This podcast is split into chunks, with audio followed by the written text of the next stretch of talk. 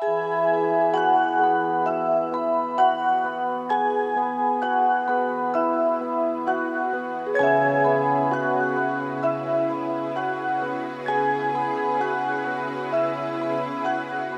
sveicināti Latvijas radio svētkrīta klausītāji. Šī rīta svētkrītā kopā ar jums mācītājs Ivars Jēkabsons. Šajā rītā ieklausīsimies vārdos, kas rakstīti Lūkas evanģēlīja desmitajā nodaļā. Tur Jēzus kādā no sarunām pieskarās man šķiet vienam no visbūtiskākajiem jautājumiem par dzīvi, par dzīves jēgu, tās saturu, mērķiem, proti kā iemantot mūžīgo dzīvību, kas ir tas augstākais šajā dzīvē. Un lūk, tur desmitajā nodaļā, Lūkas evanģēlijā, no 25. panta ir kāda saruna. Redzi, kāds rakstu mācītājs piecēlās Jēzu kārdinādams sacīja: Ko man būs darīt, lai iemantoju mūžīgo dzīvību? Bet viņš uz to sacīja, kā stāv bauslībā rakstīts, kā tu tur lasi. Un tas atbildēja un sacīja: Tev būs Dievu, savu kungu, mīlēt no visas savas sirds, ar visu savu dvēseli, ar visu savu spēku un ar visu savu prātu, un savu tuvāko kā sevi pašu. Tā viņš sacīja, un Jēzus atbild: Tu pareizi esi atbildējis, dari to, un tu dzīvosi. Bet viņš gribēdams taisnoties, sacīja Jēzum, kurš tad ir mans tuvākais? Tad Jēzus atbildēja: kāds cilvēks gāja no Jeruzalemes uz Jēriku un krita laupītāju rokās. Tie tam noplēsa drēbes, sasita un atstādami viņa pusmirušu guļam aizgāja.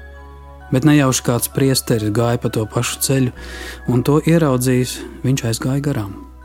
Tāpat arī kāds levīts nāca gar to vietu, to ieraudzīja, bet aizgāja garām bet arī kāds samarietis savu ceļu iedams tuvojās viņam, un viņu redzot, sirds tam iežēlojās. Un piegājis viņš pārsēja viņa vātis, ieliedams tajās eļļu un vīnu. Pēc tam viņš to cēla uz savu lopu un to aizveda mājvietā un to apkopa. Bet otrā dienā izņēmis divus denārijus, iedeva tos saimniekam, sacīdams: Kop viņu! Un, ja tu vēl ko izdosi, atpakaļ nākdams, es tev to atdošu. Jēzus jautāja, kurš no šiem trim cilvēkiem tev šķiet bijis tas tuvākais tam, kas bija kritis laupītāja rokās? Tas atbildēja, tas, kas viņam žēlsirdību parādīja. Tad Jēzus uz to sacīja: Nu tad ej un dari tu arī tāpat.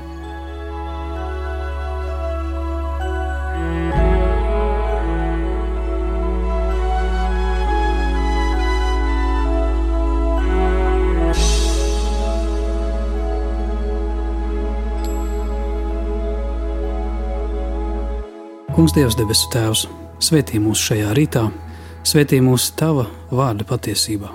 Tavs vārds ir patiesa svētība, patiesa gaisma, patiesa iedvesma no Tavas žēlstības, ko Jēzus mums atklājis. Amen!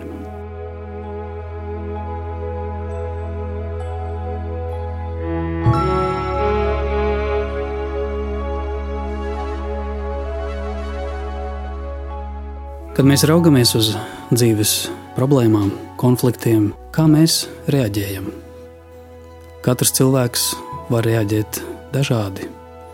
Var to visu nosodīt un sacīt, ka tur ir kādi vainīgie. Kāds cits var šūpot galvu un sacīt, žēl, diemžēl. Bet šeit, šajā līdzībā par mīlestību, par kuru stāsta Jēzus, ir kāda īpaša persona kāds samarietis, kāds anonīms cilvēks, varbūt bieži vien ne tas atzītākais, cienītākais sabiedrībā, bet kurš ir īpašs ar to, ka viņa sirds iežēlojas par kādu cilvēku. Tas labākais, kas parāda mīlestību, ir šī iežēlošanās, kas aizlūdz, kas palīdz, kas rīkojas, kas vēl labu, kas svētī.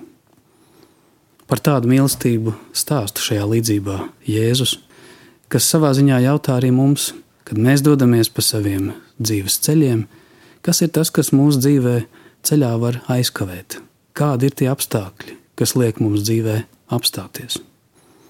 Un bieži vien situācijas mūsu dzīvē rāda, kāds ir tavs dvēseles saturs, vai tava mīlestība ir tikai vārdi, vai tā ir liekulība, jeb tā ir kaut kas patiess, kas ir tevī un nāk caur tevi un no tevis, no dieva dāvanas. Katrā ziņā, ieklausoties šajos vārdos, mēs katrs drīz vien varbūt atpazīsim, ka jēdziens mīlestība ir ļoti būtisks atslēgas vārds uz daudzām lietām. Man pat gribētos sacīt, jēdziens mīlestība. Tā ir dzīves jēga, tā ir ticības jēga, tā ir morāles jēga, tā ir kalpošanas jēga, tā ir visu dieva dāvana jēga. Tas ir galvenais atslēgas vārds, kāpēc mēs vispār esam, kāpēc Dievs ir radījis pasauli.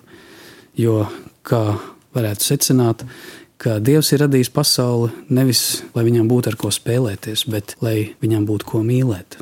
Tāpat mēs varam cilvēku attiecībās ieraudzīt, ka dzīves jēga ir mīlēt un būt mīlētam. Tāpat reliģijas un morāles jēga ir mīlestība, kas ir bauslības piepildījums, mīlestība, kas ir pilnības saite. Kā Bībele bieži saka, nekas mūs nevar šķirt no Dieva mīlestības. Un tas, kādēļ Jēzus vispār ir šajā pasaulē, tāds īsts evaņģēlīja kopsavilkums ir Jāņa evaņģēlijā, kas liecina par Jēzus misiju, ka Dievs tik ļoti pasauli mīlējis, devis savu vienpiedzimušo dēlu, lai neviens, kas tic viņam, nepazustu, bet dabūtu mūžīgo dzīvību. No Dieva mīlestības ir dzīvība, no Dieva mīlestības ir mūžība, no Dieva mīlestības visas gara dāvanas, kuras auglis ir mīlestība, miers, prieks cilvēkam. Jā, tas ir ļoti būtisks aicinājums, kurā mēs esam aicināti augt un visu mūžu to mācīties. Katrs savā dzīves vecuma posmā, sākot ar bērniem, piedzīvojot mīlestību ģimenē, jā, tāpat tajā mīlestībā, ko piedzīvo laulība, kas prasa ne tikai romantiku un baudu, bet daudz vairāk upurēšanos, nodošanos, uzticību, saskarsmi, laiku, mūža garumā. Jā, mēs varam runāt par tik dažādām mīlestības fāzēm, pakāpēm visa mūža garumā. Katrā ziņā šeit, kad viens vīrs, pat kārdinādams un pārbaudīdams, jautā Jēzum, kas tad ir tas, kas ir dzīvība, dzīvības saturs, kas ir tas, kas man būtu jādara, lai es iemantotu mūžīgo dzīvību. Šis cilvēks pats teorētiski jau zina atbildi. Mīlēt Dievu un mīlēt savu tuvāko kā sevi pašu. Bet tad, kad sākam runāt par praktisku dzīvi, tad tur rodas problēmas, jo tur ir tik dažādas situācijas, tik dažādi apstākļi, kas liek šo mīlestību dažādā veidā staipīt, ierobežot, sašaurināt vai pārprast un paplašināt. Bet šeit Jēzus vienkārši noliek mūs kādā praktiskā situācijā un stāsta par kādu vīru, kurš ir cietis nelaimē. Kādu cilvēku, kurš laupītāju aplaupīts, sasists, guļ ceļa malā. Un lūk, kāda tad ir tava mīlestība, kad tu redzi šo situāciju. Pavisam tieši, konkrēti, kas gadās tev pa kājām, kas klauvē tev pie durvīm, kas burtiski nāk tev pretī, kas ir tavā ceļā. Kaut kas, ko tu nevari tā vienkārši pārlekt, apiet, kaut kas, kas iekņūda tavā sirdī, sirdsapziņā, ko man tagad ar to visu darīt. Vai iet garām, vai apstāties, kādā veidā iet garām, kādā veidā darīt to, kas tev jādara, un nedarīt to, kas tev nav jādara. Daudz cilvēki neprātīgi metas iekšā visāda veida labdarbībā, tik tālu sevi nodod dažādām kalpošanām, bieži vien viņi kā pasaules glābēji skraida visur palīdzēdami, izdeg. Redzēdami, ka ir kaut kādas robežas, kurā cilvēks nav aicināts no sevis aizbēgt un kalpot tikai citiem. Tādēļ ārkārtīgi svarīgi šajā mīlestības principā ir neaizmirst sevi, savus tuvākos. Daudz tiešām glābdami pasauli ir pazaudējuši savējos, savus tuvākos.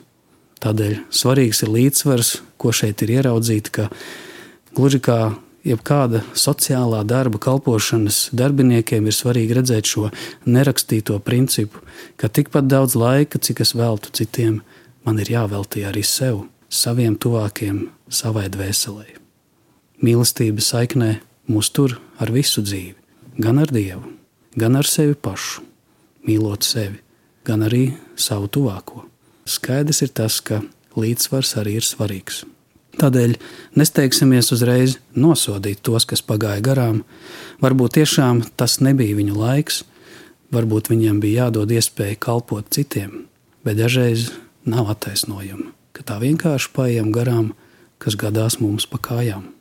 Šeit Jēzus nekomentē. Šeit Jēzus neatbild, kurš bija pareizais vai nepareizais. Bet galā viņš saka, ka faktiski tā mīlestība ir dzīva, tad, kad ir žēlsirdīgais samarietis. Kristietība ir dzīve, kamēr dzīvos žēlsirdīgais samarietis, kas noliecas, kas kalpo, kas nevis vienkārši pārkāpj, aiziet malā savā aizņemtībā, kurš nevis vienkārši noskatās ar žēlumu un paiet garām, bet tas, kurš apstājas, iežēlojas, aprūpē, kalpo, ziedo, dāvina, kura mīlestība nav tikai kaut kas cēls un nezināms, bet kaut kas, kas ir iemiesots vārdos, darbos un dzīvē. Mēs varētu mazliet pakavēties pie šīs līdzības izstāsta, un tur mēs varam ieraudzīt, ka šie personāži, kas ir šajā līdzībā, atrodas dzīves ceļā. Tur ceļā no Jeruzalemes uz Jēriku viens cilvēks. Mēs varam jautāt, kāpēc šis cilvēks ir viens. Daudz cilvēki domā, kā tas tā ar manu dzīvi varēja notikt. Un iespējams, ka šis cilvēks, atrodoties ceļā no Jeruzalemes uz Jēriku, atrodas ceļā no baznīcas, no dievnama, no svētās pilsētas. Šajā līdzībā es saskatu kādu brīdinājumu mums katram, ka mums ir jābūt nomodā, lai varētu pastāvēt un aizstāvēties. Daudz cilvēki, kā ieejot garīgajā dzīvē, kā aizejot uz svētceļojumu vai piedaloties kādās vasaras nometnēs, pēc tam piedzīvo tādus kā uzbrukumus.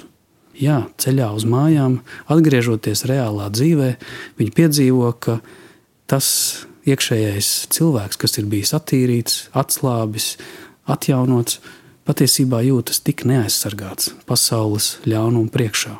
Šajā ziņā ieteikums šim vientuļajam ceļotājam no Jeruzalemes uz Jēriku būtu tas kristīgais pamudinājums ietērpties dieva aizsardzībā, dieva bruņās, būt nomodā, lai ļaunais tagad iesēto labo nevarētu tevi nolaupīt, nevarētu tevi satriekt un pazudināt. Jā, šajā ziņā kristīgā dzīve, aizejot realitātei, aizejot no vietas, kur tu esi saņēmējis, kur tu esi atslābis, aprūpēts un svētīts, man tagad ir jāiet nomodā, jābruņojas garīgas cīņas ceļam ja arī kādam ir gadījies krist ienaidnieka vai laupītāja rokās, šim varbūt neprātīgam, neapdomīgam vai tam, kuram nepaveicās, ir vajadzīgs atbalsts. Kristīga dzīve šajā ziņā ir aicinājums kopībā. Aicinājums ne tikai noraudzīties uz tiem, kam pasaulē iet vai neiet, bet arī būt aizlūgšanās, kalpošanā un savstarpējā atbalstā. Ja mēs panelizētu to priesteri, kurš pagāja garām, Iespējams, šis cilvēks ir kāds burbuļu kalps, kurš zinājis, ka ļaunas lietas ar cilvēku notiek dēļ grēka. Jā, varbūt šis cilvēks ir pārāk aizņemts ar savu kalpošanu, ka paiet garām galvenajam cilvēkam, kam šī kalpošana ir domāta.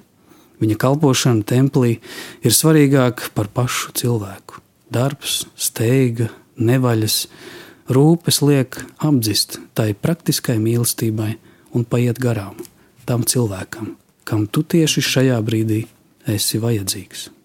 Ja varbūt iepriekšējais šis cilvēks nelaimīgais savas pieredzes trūkuma dēļ vai neaizsargātības dēļ nonāk nelaimē, tad šeit nelaime turpinās tādēļ, kad kāds vienaldzīgi paiet garām. Bet kāds levīts varbūt pat apstājās, varbūt pat pārdomāja, bet varbūt viņam bija bailes par sevi. Varbūt viņam likās, ka šis ir atkal kārtējais triks, te ir atkal kāda viltība. Varbūt tās ir lamatas, varbūt tu nemaz nezini, kā palīdzēt, varbūt tu negribi palīdzēt. Tu esi noguris no darbiem. Paša drošība, paša rūpes par sevi, paša labklājība ir pirmajā vietā. Man pašam vajag, es pats varbūt neesmu saņēmis, es pats varbūt nezinu, kā mīlestību parādīt. Jā, Levīts var būt vēl viens cilvēka tips, kurš kaut kādu iekšēju pašattaisnojumu dēļ paiet garām. Samarietis ir tas brīnišķīgais cilvēks, kurš apstājas un sniedz žēlstības darbu. Jā, tas ir jūdu ienīstais samarietis, kas viņu acīs varbūt nav nekas īpašs. Jā, tas ir kāds no citurienes, kas runā citā valodā, kas iet ne tajā baznīcā, kur es eju. Tad šeit samarietis mums parāda to, ka nelaime nevalkā uniformas, tā nepieder konfesijām, tā nepieder tautībām. Tā ir kaut kas, kas skar visu cilvēci.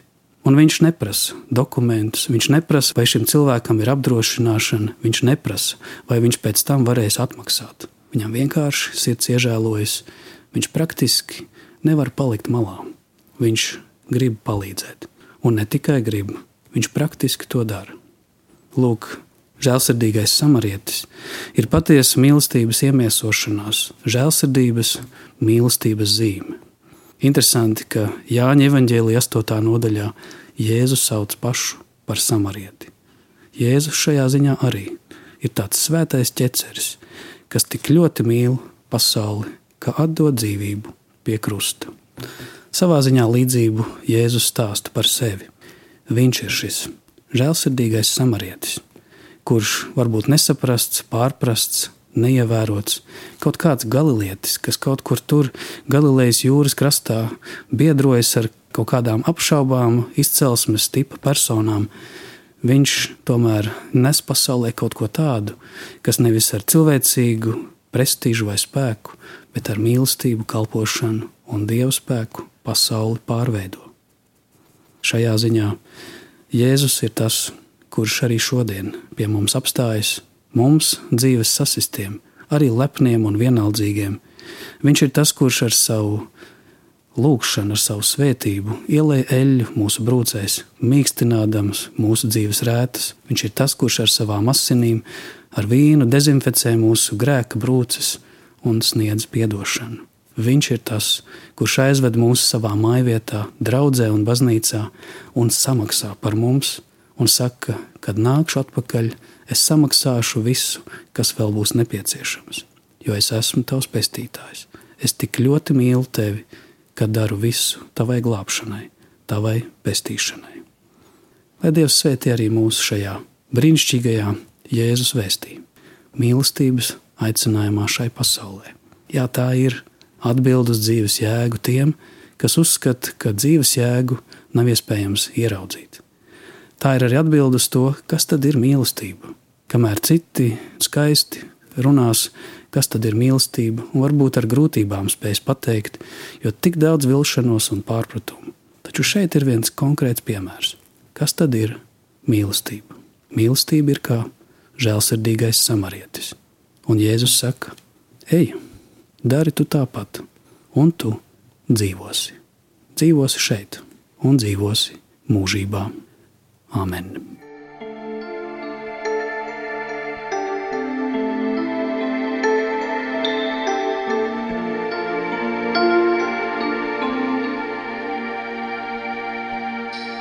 Lūksim Dievu, mīļais debesu Tēvs, mēs pateicamies par Tavu mīlestību. Šī pasaule patiesi ir radīta no Tavas mīlestības, jo tā tiešām nerodas pati no sevis.